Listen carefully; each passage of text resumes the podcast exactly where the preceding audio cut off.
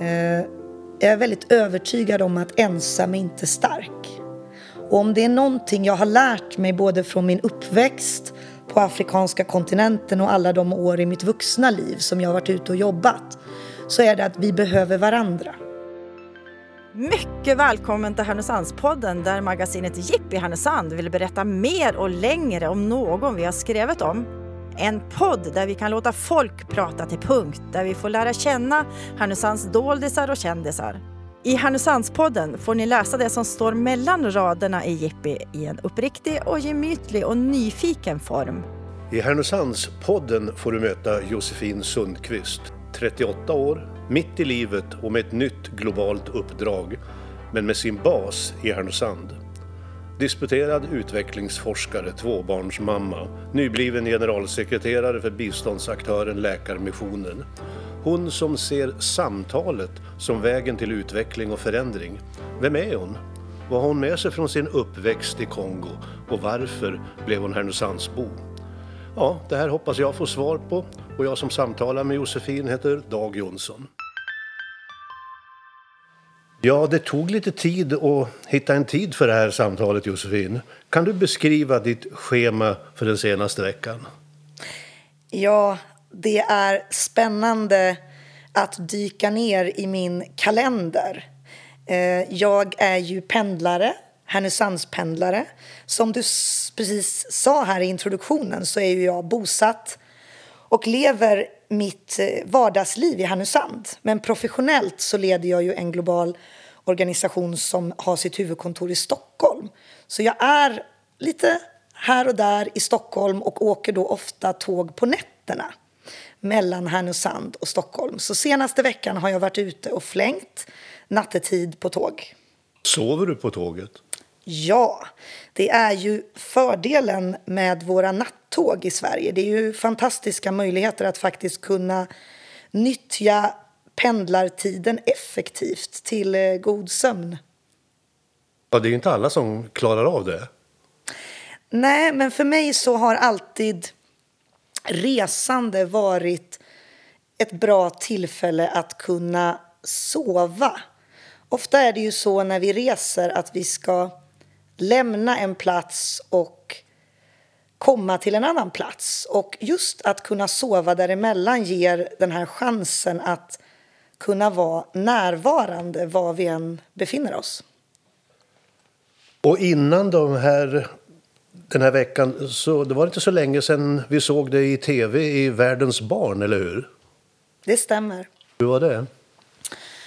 Nej, men Världens barn-kampanjen är eh, någonting fantastiskt i Sverige.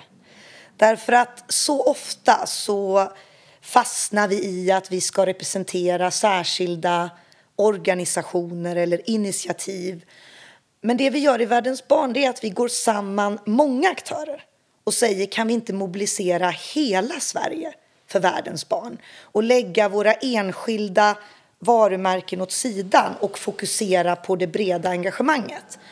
Och eh, just i Världens barn så ser vi ju att alla är med.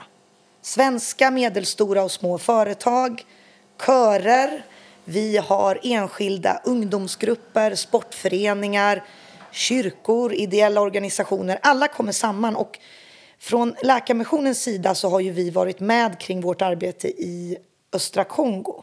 Och det var ju det som jag fick chans, eh, hade chans att berätta om i just eh, Världens barngala. Jag vet inte, men vi sitter ju som sagt var i ett fantastiskt hus. Det ska du få berätta om lite grann senare. Jag vet inte om det var din lattemaskin som lät här borta. Det, det smakar gott i alla fall, det du har bjudit på. Ja, precis. Det där ljudet vi fick höra nyss, det var eh, från min kaffemaskin. Jag är kaffeälskare och har ju stor del av mitt liv också varit bosatt i kaffemeckat runt Kilimanjaro. Det är säkert många som har druckit kaffe med bönor därifrån.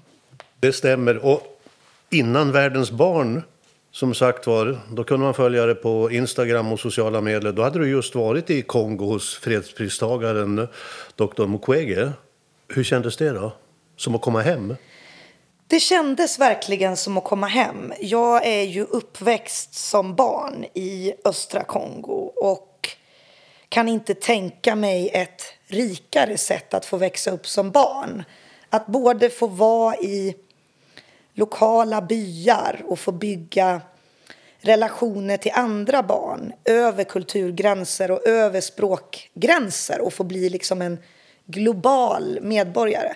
Men samtidigt också redan som barn få möta de här orättvisorna som finns i världen och utmaningarna. Men ändå kunna se från mina föräldrar att varje människa kan vara med och göra skillnad. Och att få nu komma tillbaka, jag har besökt Kongo eh, och liksom funnits på plats fler gånger under mitt liv. Och det som har slagit mig det är just det här hoppet som finns. Både hos fredspristagaren Dennis Mukwege men också hos många andra vardagshjältar runt honom. Trots den brutalitet som vi ser i den pågående konflikten så finns det människor som har en vardag och som driver eh, en motsatt utveckling för fred och för att eh, realisera mänskliga rättigheter. Ja, du, så du pratar om, om vardag. Alltså, hur känns det att sitta här hemma på Långgatan nu i Härnösand en fredag eftermiddag efter den här turbostarten sen första maj på nya jobbet? Jo, men det känns fantastiskt. När vi flyttade, jag och eh, min man Johan och våra barn från östra Afrika till Sverige så landade vi just här på Långgatan i Härnösand. Och det första som slog oss, för att våra barn hade ju talat mycket swahili på plats när vi hade bott i Tanzania, det tänkte vi sådär. Hur ska de kunna få behålla språket? Och så upptäckte vi att ja, men vår närmsta granne här på Långgatan, Arner, han hade ju tansanskt ursprung. Han var ju faktiskt eh, både tanzanier och, och svensk. Eh, och sen upptäckte vi att lite längre ner här på gatan, ja men här fanns ju Frejarö, både Thomas och Karin som båda hade arbetat globalt för Färnebo folkhögskola i Tanzania. Och ju mer vi letade så hittade vi fler och fler swahili-talande Härnösandsbor bara på vår egen gata. Och då fick vi verkligen ett kvitto på att Härnösand är en lokal stad i Västernorrland men också ett globalt centrum. Du känner att det finns en vardag här nu? Här finns det verkligen en vardag. Vi har eh, fått känna att Härnösand är en väldigt öppen stad. Vi har blivit engagerade, hela vår familj, i olika föreningar och har hittat hem här verkligen. Så vi har liksom många hem här i staden nu.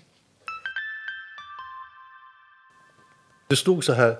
Det är som om hon pratar med uppkavlade ar armar, skrev någon när du intervjuades i din nya roll som generalsekreterare för Läkarmissionen. Känner du igen dig i den där beskrivningen? ja, men jag tror att jag är liksom en entreprenör.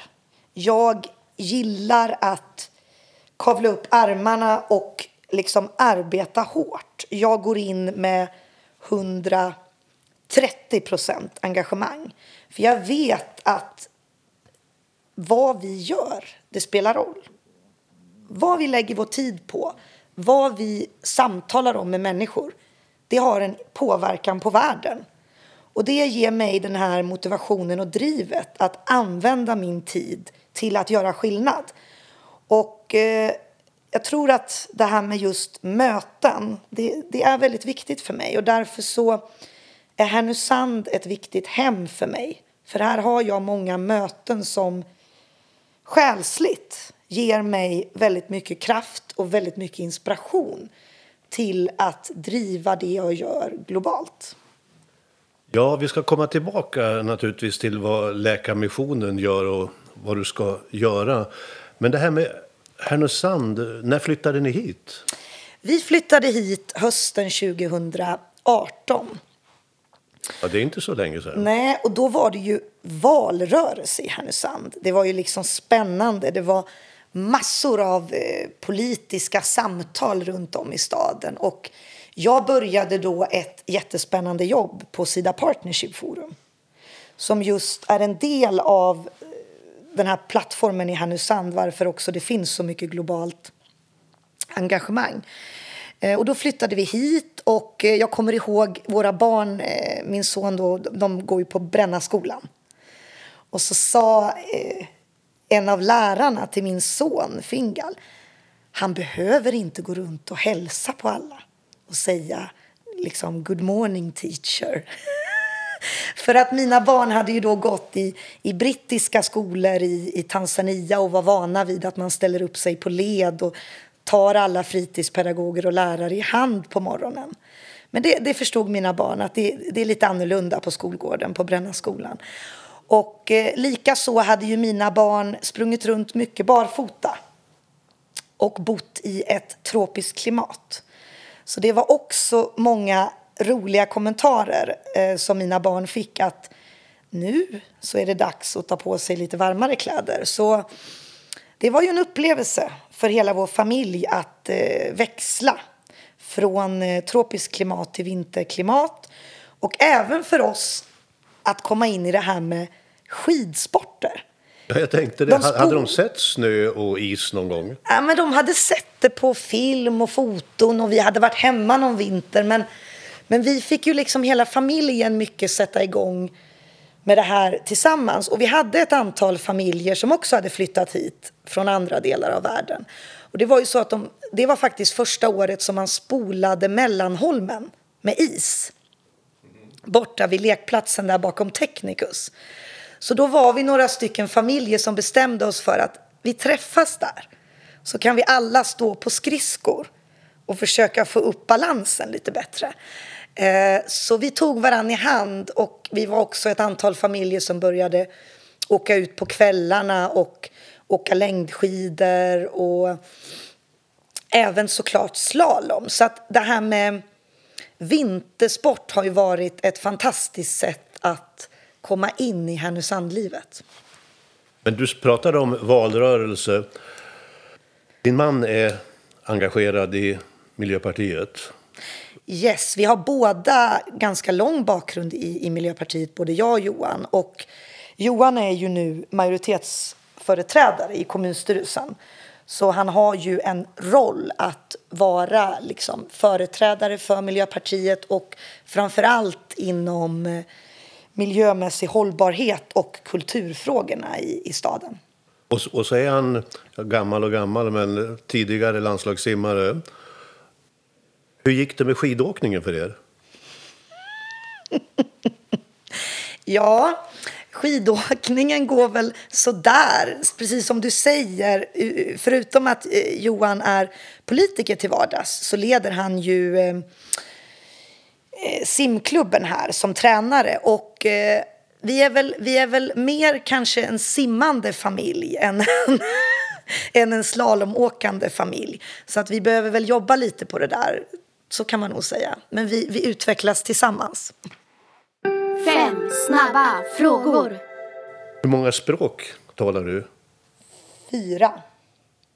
Det är? Engelska, svenska, franska och swahili.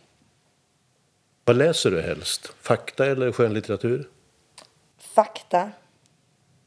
Hur mycket skärmtid har du? Alldeles för mycket. Vegan eller vegetarian? Vegetarian. Och Härnösand eller Kongo? En blandning. Och sen har jag förstått att du hittade till Ängekyrkan också. Mm.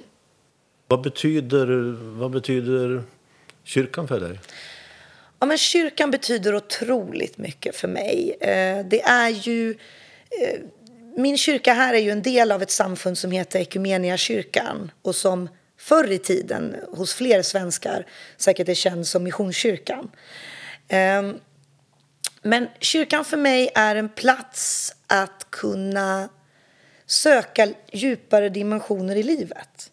Att komma bort från det här materiella, att komma bort från livspusslet och möta människor på en djupare nivå.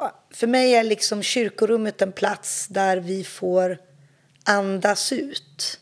Där vi inte presterar, utan vi får liksom reflektera.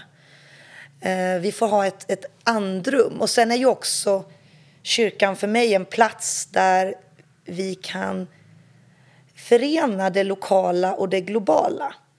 Just för att tron går ju liksom över kulturen och nationens gränser. Och Ängelkyrkan i Härnösand är ju liksom en plats där många finns som är nyanlända.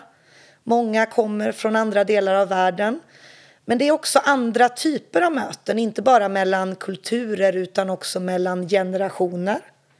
Många av dem jag har lärt känna som är 20, 30, 40-talister. Det är just genom kyrkan här.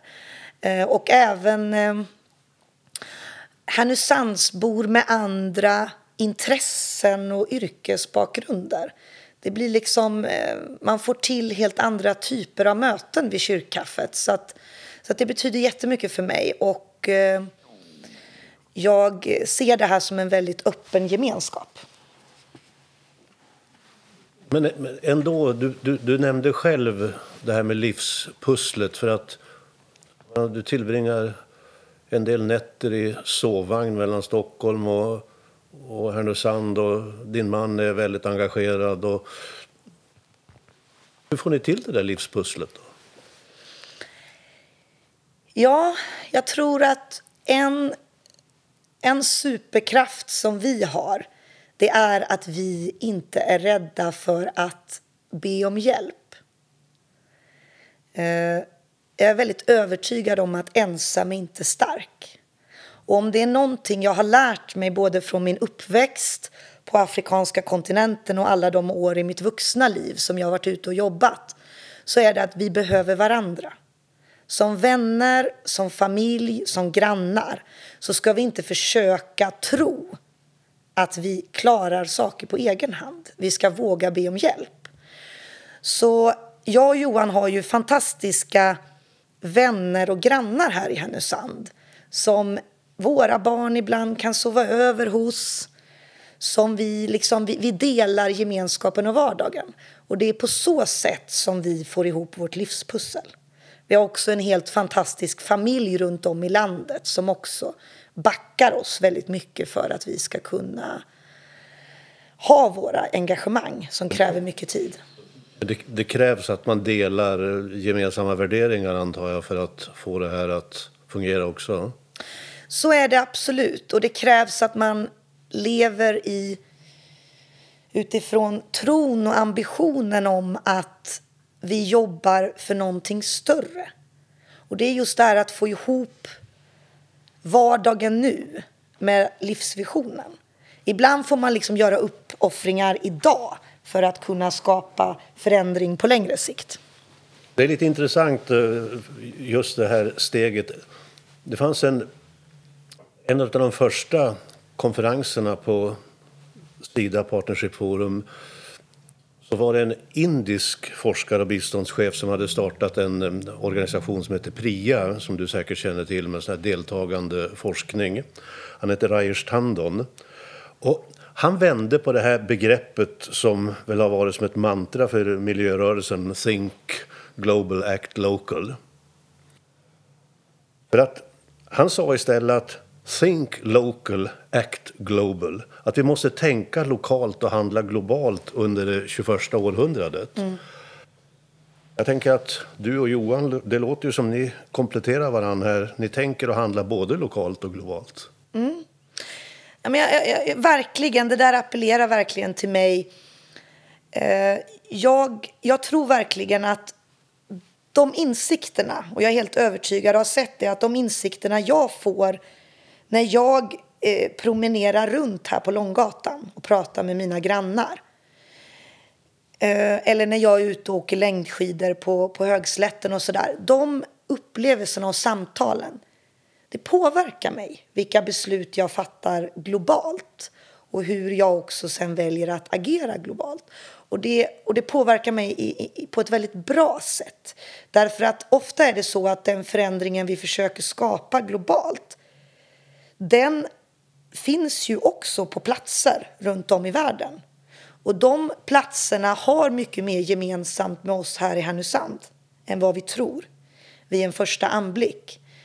Eh, I de samhällen där vi jobbar och försöker stödja en utveckling och en förändring där finns det också människor med drivkrafter, med visioner som vill förändra sina samhällen, precis som vi tänker här.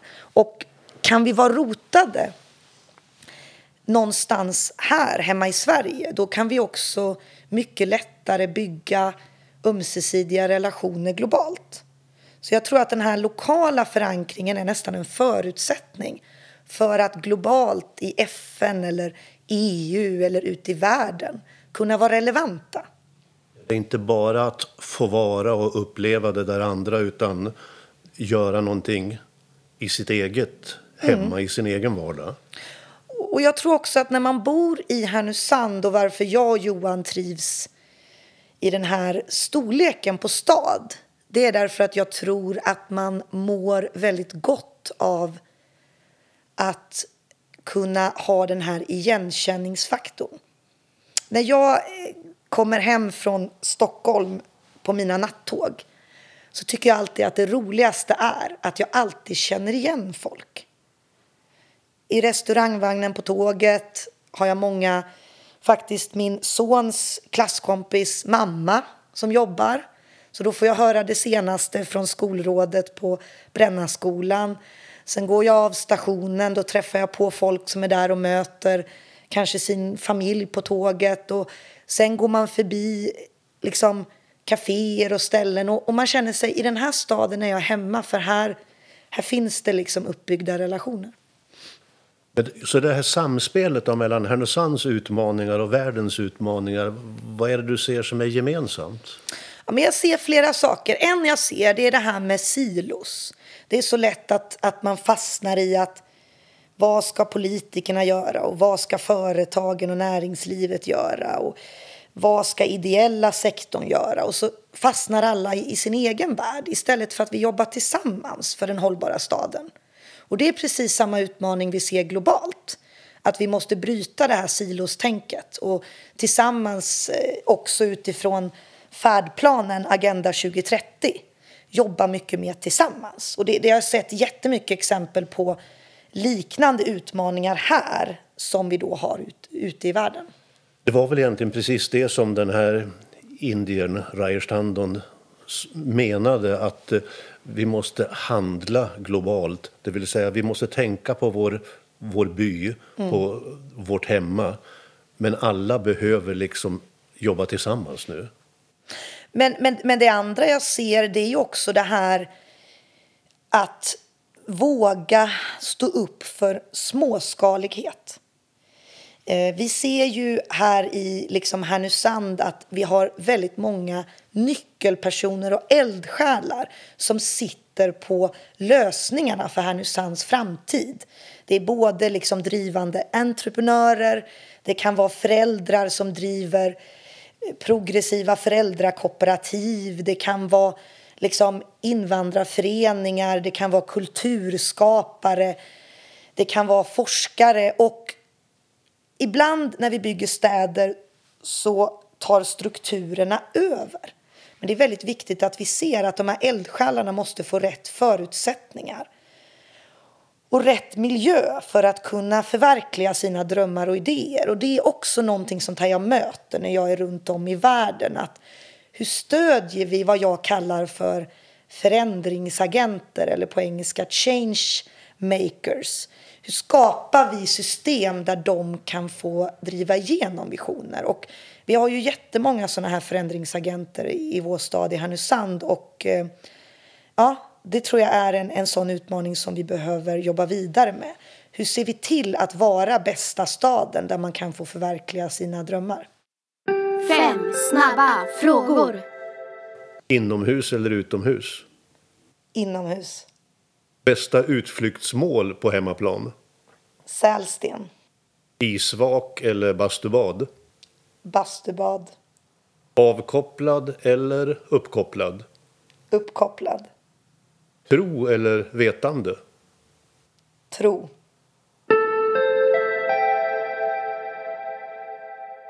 Dina föräldrar då? Vad, vad, där du växte upp, vad var det som drev dem?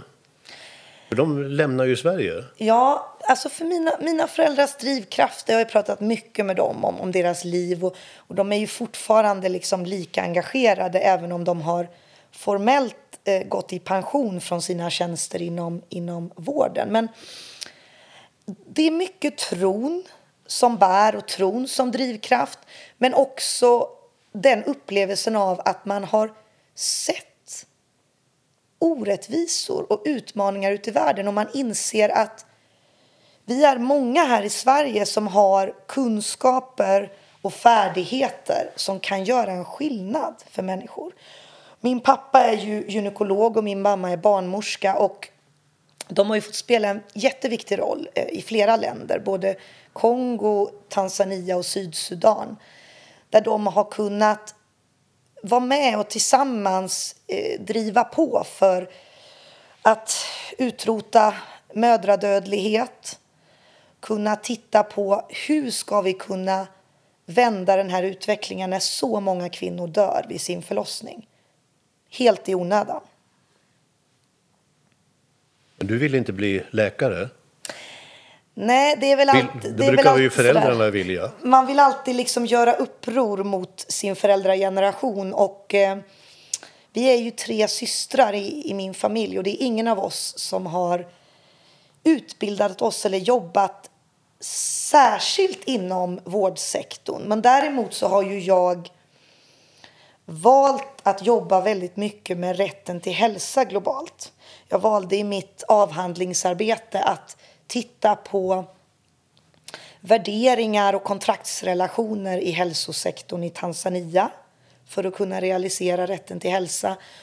Och eh, nu har jag ju förmånen att som generalsekreterare få leda Läkarmissionen där vi verkligen driver på för att kunna realisera eh, utvecklingsmål 3 i Agenda 2030, allas rätt till hälsa.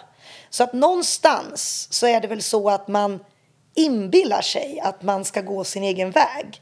Men till slut så hittar man att man är ändå i sina föräldrars fotspår. Och det är faktiskt så att mina föräldrar när vi bodde i Kongo på 80-talet så jobbade de båda för Läkarmissionen. Så att jag får nog medvilligt erkänna att jag kanske inte är så unik som jag tror. Dina barn då, när de ser på sina föräldrar, det vill säga dig och Johan, med sin uppväxt, var det i Tanzania framför allt? Mm. Hur tror du det kommer påverka dem?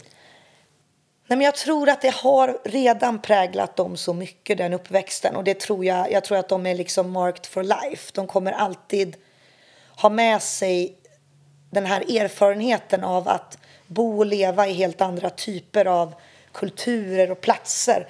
Eh, sista perioden när vi bodde i Tanzania så bodde vi i Usambarabergen som är ett regnskogsområde på gränsen mellan Tanzania och Kenya. Och där var ju mina barn de levde liksom ett med naturen och de levde också under väldigt speciella omständigheter. Och jag ser verkligen här i Härnösand att det har präglat dem och de ställer många frågor om eh, när ska vi kanske i framtiden bo utomlands igen och de anknyter ofta till barn från andra länder här i Härnösand och de har med sig helt, helt klart ett perspektiv på att världen är, är mycket större än det vi kan se här. Och, eh, jag tror att eh, de kommer för alltid i någon utsträckning förbli globala medborgare. Du sa att du blev inte läkare, men Läkarmissionen valde dig. Hur förbereder man sig annars? Då? Vi har ju pratat en hel del om kultur och vad man får med sig av uppväxter i andra kulturer. Men hu- hur har du, hur har du förberett dig så att säga, med, med studier och eh, hur ser den bakgrunden ut? Nej, men jag tror att min förberedelse, resan till att bli generalsekreterare för Läkarmissionen, det är en livsresa. När man går in i ett sånt här uppdrag, det är ju ingenting så att säga som jag väljer, utan det är ju de som har valt mig. Men jag har, varit, jag har sett och varit med om mycket i mitt liv som jag tror är helt nödvändigt för att kunna axla en sån här svår ledarroll. Vi finns ju på Läkarmissionen runt om i världen. Vi jobbar i 30 länder. Vi har 300 egna anställda som jobbar och lever under väldigt svåra förhållanden i länder som Sudan, Somalia, Kongo, Sydsudan, Niger, Chad, Etiopien. Det är, liksom, det är tuffa miljöer, det är snabba beslut och det är en svår vardag. Och jag tror att även om jag har akademisk kredibilitet som liksom disputerad och jag har en kandidatexamen i, i fred och utveckling och en masterexamen i globala studier och Global Political Economy. Och så har jag en doktorsexamen i humaniora, både eh, teologi och sociologi och, och liksom filosofi. Så tror jag att det är inte primärt det som gör mig till en lämplig generalsekreterare utan det är mina ledarskapserfarenheter som jag bär med mig från mitt arbete med globala frågor, med utvecklingssamarbete och all min erfarenhet från fält. Det är det som ger mig den eh, kredibilitet och grund som jag behöver i mitt ledarskap. Läkarmissionen, alltså namnet, hur, hur, ser du på det förresten? Jag tänker mission eller missionärer, kan det leda fel? Nej, men jag, tycker vårt, jag tycker vårt namn eh, är bra utifrån vilka vi är. Alltså, när vi startade 1958 så var ju det utifrån visionen om att en människa kan skapa stor skillnad i världen. Och Harry då som startade Läkarmissionen, han var redaktör för Svenska Journalen och hans fru dog i cancer och han gjorde en insamling till henne och såg då att det fanns så många människor som ville vara med och bidra ut i världen. Så att den insamlingen genererade så pass mycket pengar att stiftelsen startades, för vi är ju en global stiftelse som Läkarmissionen. Och då var det just med det här uppdraget att kunna se eh, hur man kan göra skillnad som en stiftelse i Sverige till att stödja sjukvård globalt. Sen har ju vi breddat vårt uppdrag. Idag jobbar vi inom området med vatten, vi jobbar området med utbildning, hälsa men även sociala trygghetsfrågor. Och mission för oss, alltså det handlar om vision. Att drivas av ett mission.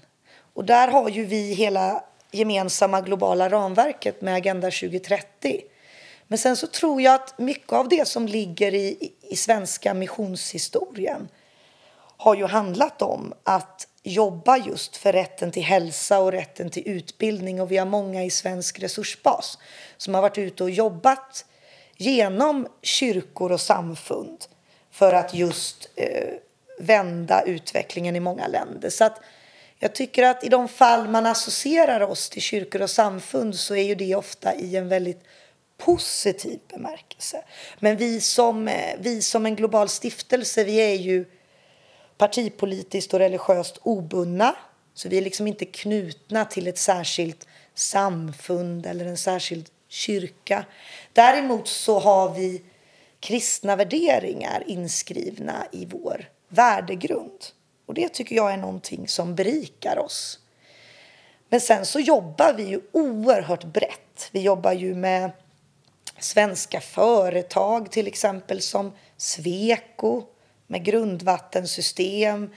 Vi jobbar med svenska innovatörer och till exempel solvatten som en svensk um, uppfinning som vi använder i preventiv vård. Eh, vi jobbar med andra svenska civilsamhällsorganisationer. Vi jobbar med, med liksom Sida och vi har en väldigt bred front hur vi samverkar. Det finns ju ett, ut, ett uttryck som heter mission completed, uppdraget slutfört. Men det kan inte gälla det här uppdraget. Nej, vårt mission och vision, alltså vår vision, eh, heter ju på engelska då dignified life, sustainable world eller värdigt liv, hållbar värld. Och där är vi tyvärr inte idag.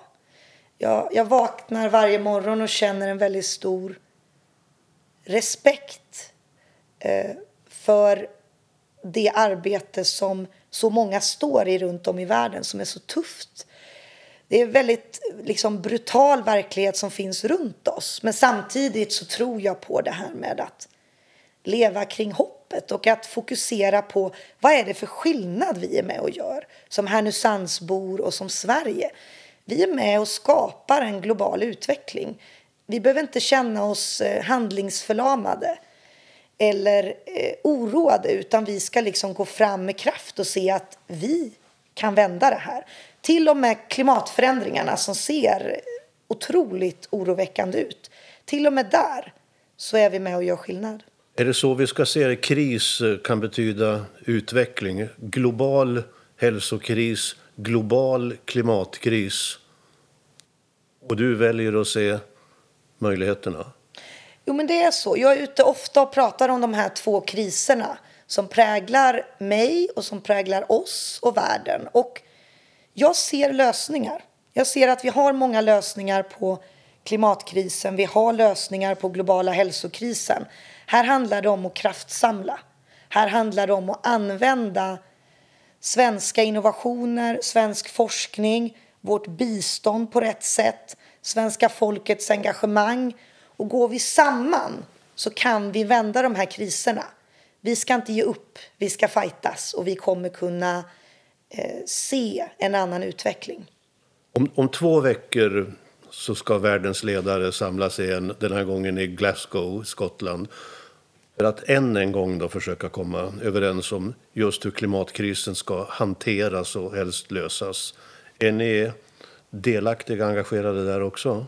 Absolut. För oss är det otroligt viktigt som Läkarmissionen att jacka i de globala dialoger och toppmöten som vi har för att bidra in i det gemensamma och det större. Och Melanie Rideout som jobbar hos oss på Läkarmissionen på vårt huvudkontor, hon är där och hon kommer eh, vara där tillsammans med många andra som också är unga.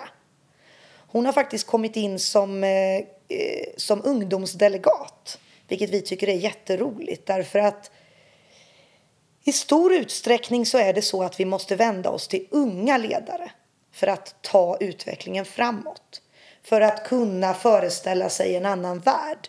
Det är så mycket omställning som krävs. Och det ser ju jag, och det ser vi här i Härnösand, men det ser vi även inom Läkarmissionen. Och då måste vi ta hjälp av den unga generationen som har lättare för att föreställa sig andra levnadssätt.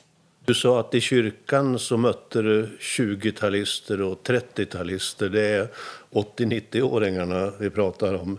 Men där du har växt upp i Afrika, där har du det omvända världens yngsta befolkning. De flesta är under 25 och utan jobb, tyvärr dessutom många. Precis, vi ser tydligt, och jag ser det när jag är ute och reser. Jag var nyligen i höst i, i Somalia. Där ser vi en stor ung befolkning som står mycket, många gånger utanför ekonomin. Och det är därför också många unga radikaliseras idag. Varför unga blir pirater utanför Somalia, det är inte för att de drömmer om ett sånt liv, utan det är att de behöver hitta en försörjning. Och kan vi lyckas skapa jobb för unga, få in unga i ekonomin och unga kan få en framtid, då vill de alltid bygga fred. De vill aldrig driva konflikter. Och det är precis det jag har sett i Kongo också, där vi är med och försöker stödja eh, unga barnsoldater som ska kunna utbildas i att eh, installera solpaneler. Vi kan se att det är precis sånt här som unga vill. De vill bygga en hållbar framtid och där kan vi eh, möjliggöra det. Ja, det är inte bara klimatet utan en hållbar framtid handlar bland annat om 17 globala mål som FN har kommit överens om. De ska infrias inom nio år till 2030. Ja, det är tajt. Det är en tajt to-do-lista vi har. Eh, och jag lever med den här urgencyn hur ska vi faktiskt lyckas med det här? Vi måste öka takten, vi måste accelerera upp. Och det är därför när jag stöter på vänner och bekanta här i Härnösand eller när jag sitter på tåget eller när jag är runt om i världen eller i Stockholm. Jag försöker genom samtal öka takten så att fler ska känna att nu måste vi göra mer. Därför att det vi har gjort hittills har inte varit tillräckligt. Och där är jag ganska övertygad om att vi måste också börja jobba på väldigt nya sätt. Vi måste också förändra det mer traditionella biståndet. Och vi måste börja jobba på ett helt annat sätt, eh, innovativt. Jag sa i början av det här samtalet att du är 38 år. Och jag minns att när jag var 38 år var också en ganska engagerad i att försöka ta mig an samhällsförändringar. Så var det en gammal erfaren fackföreningsledare och riksdagsledamot som sa till mig 38 år, är du det? Det är ju den bästa tiden i livet. Tillräckligt erfaren och nästan allt kvar framför sig.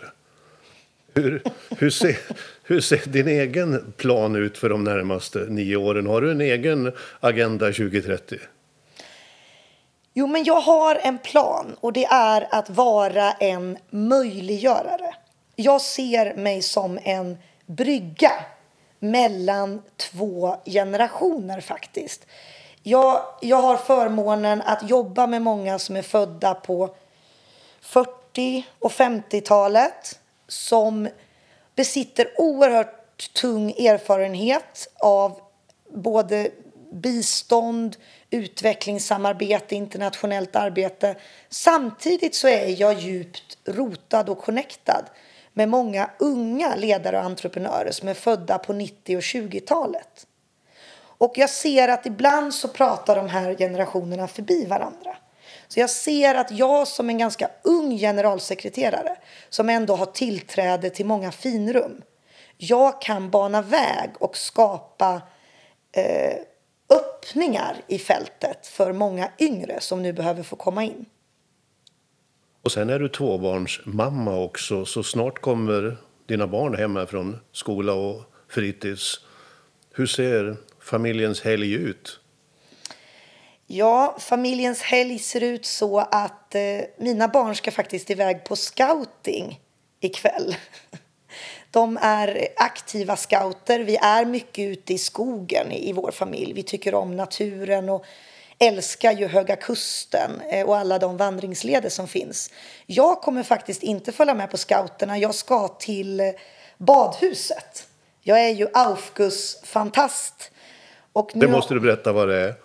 Aufguss är en, eh, ursprungligen en österrikisk bastutradition eh, där man eh, använder dofter eh, på bastuaggregatet för att stimulera olika sinnen och även använder olika scrubs och naturmaterial för att eh, ja, helt enkelt må bra i kropp och själ. Och vi är många som håller på med Aufgust här i Härnösand. Än så länge har vi inte öppnat upp det nu efter pandemin men däremot så har ju badhuset och relaxavdelningen öppnat upp. Så vi är ett antal vänner som ska ses där ikväll. Men annars så kommer vi eh, spendera mycket tid ihop eh, i familjen. Det är det vi försöker göra på, på helgerna. Ni har ju skapat ett eh, hem. Ni har fått möjligheten att köpa ett hus på Långgatan med utsikt där över Skeppsbron och vattnet. Blev det som ni hade hoppats? Ja, men det, det, här blev som, som att vi fick liksom eh, realisera vår dröm. Vi får bo på en av de äldsta gatorna eh, i Härnösand. Vi får vara i en miljö med väldigt fina grannar och, och vänner. Jag bor gångavstånd från tågstationen, så jag kan knalla till och från tåget. Vi har närheten till vatten, närheten till naturen och sälsten där det finns fantastiska badmöjligheter. Och vi är precis nästan mitt i stan, så att kunna bo på Långgatan eh, det är nog den, eh, den bästa gatan i stan, får jag nog säga objektivt. Efter den här helgen då, Josefin, hur ser nästa veckas schema ut? Ja, nästa vecka så eh, kommer jag i början på veckan att vara här i Härnösand och jobba digitalt. Och då får jag chans att också säga att digitalisering och digital transformation är någonting jag brinner för. Jag försökte under mina år vid Sida Partnership Forum här i Härnösand att verkligen driva på det. Därför att jag tror att det är framtiden för vår stad. Det är framtiden också för, för glesbygd, att vi kan connecta med hela världen genom att nyttja digitalisering. Så i början på nästa vecka kommer jag jobba härifrån. Men sen kommer jag mot slutet av veckan befinna mig på Hässelby slott i Stockholm där vi ska samla alla våra huvudmän för Läkarmissionen och visionera om framtidsfrågor. Så samtalet, det fortsätter nästa vecka som vägen till utveckling och förändring? Så är det. Och det är genom samtal som vi förändrar världen. Därför är även den här Härnösand-podden ett verktyg att kunna uppnå Agenda 2030 och se vilka är vi som bor här i Härnösand och vad gör vi var och en för att göra världen bättre? Tack Josefin och trevlig helg. Tack. Du har nu lyssnat på Härnösandspodden.